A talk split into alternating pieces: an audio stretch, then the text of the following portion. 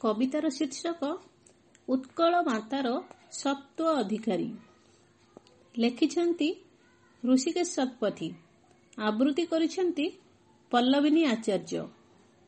ଉତ୍କଳ ମାତାର ସତ୍ତ୍ୱ ଅଧିକାରୀ ନିଜକୁ ନିଜେ ମୁଁ ଦାବି କରୁଛି ବିନ୍ଦୁରେ ଭକତି କାଣି ଯାଏ ପ୍ରୀତି ସତରେ କ'ଣ ମୁଁ ଅର୍ପି ପାରିଛି? ଧନ୍ୟବାଦ।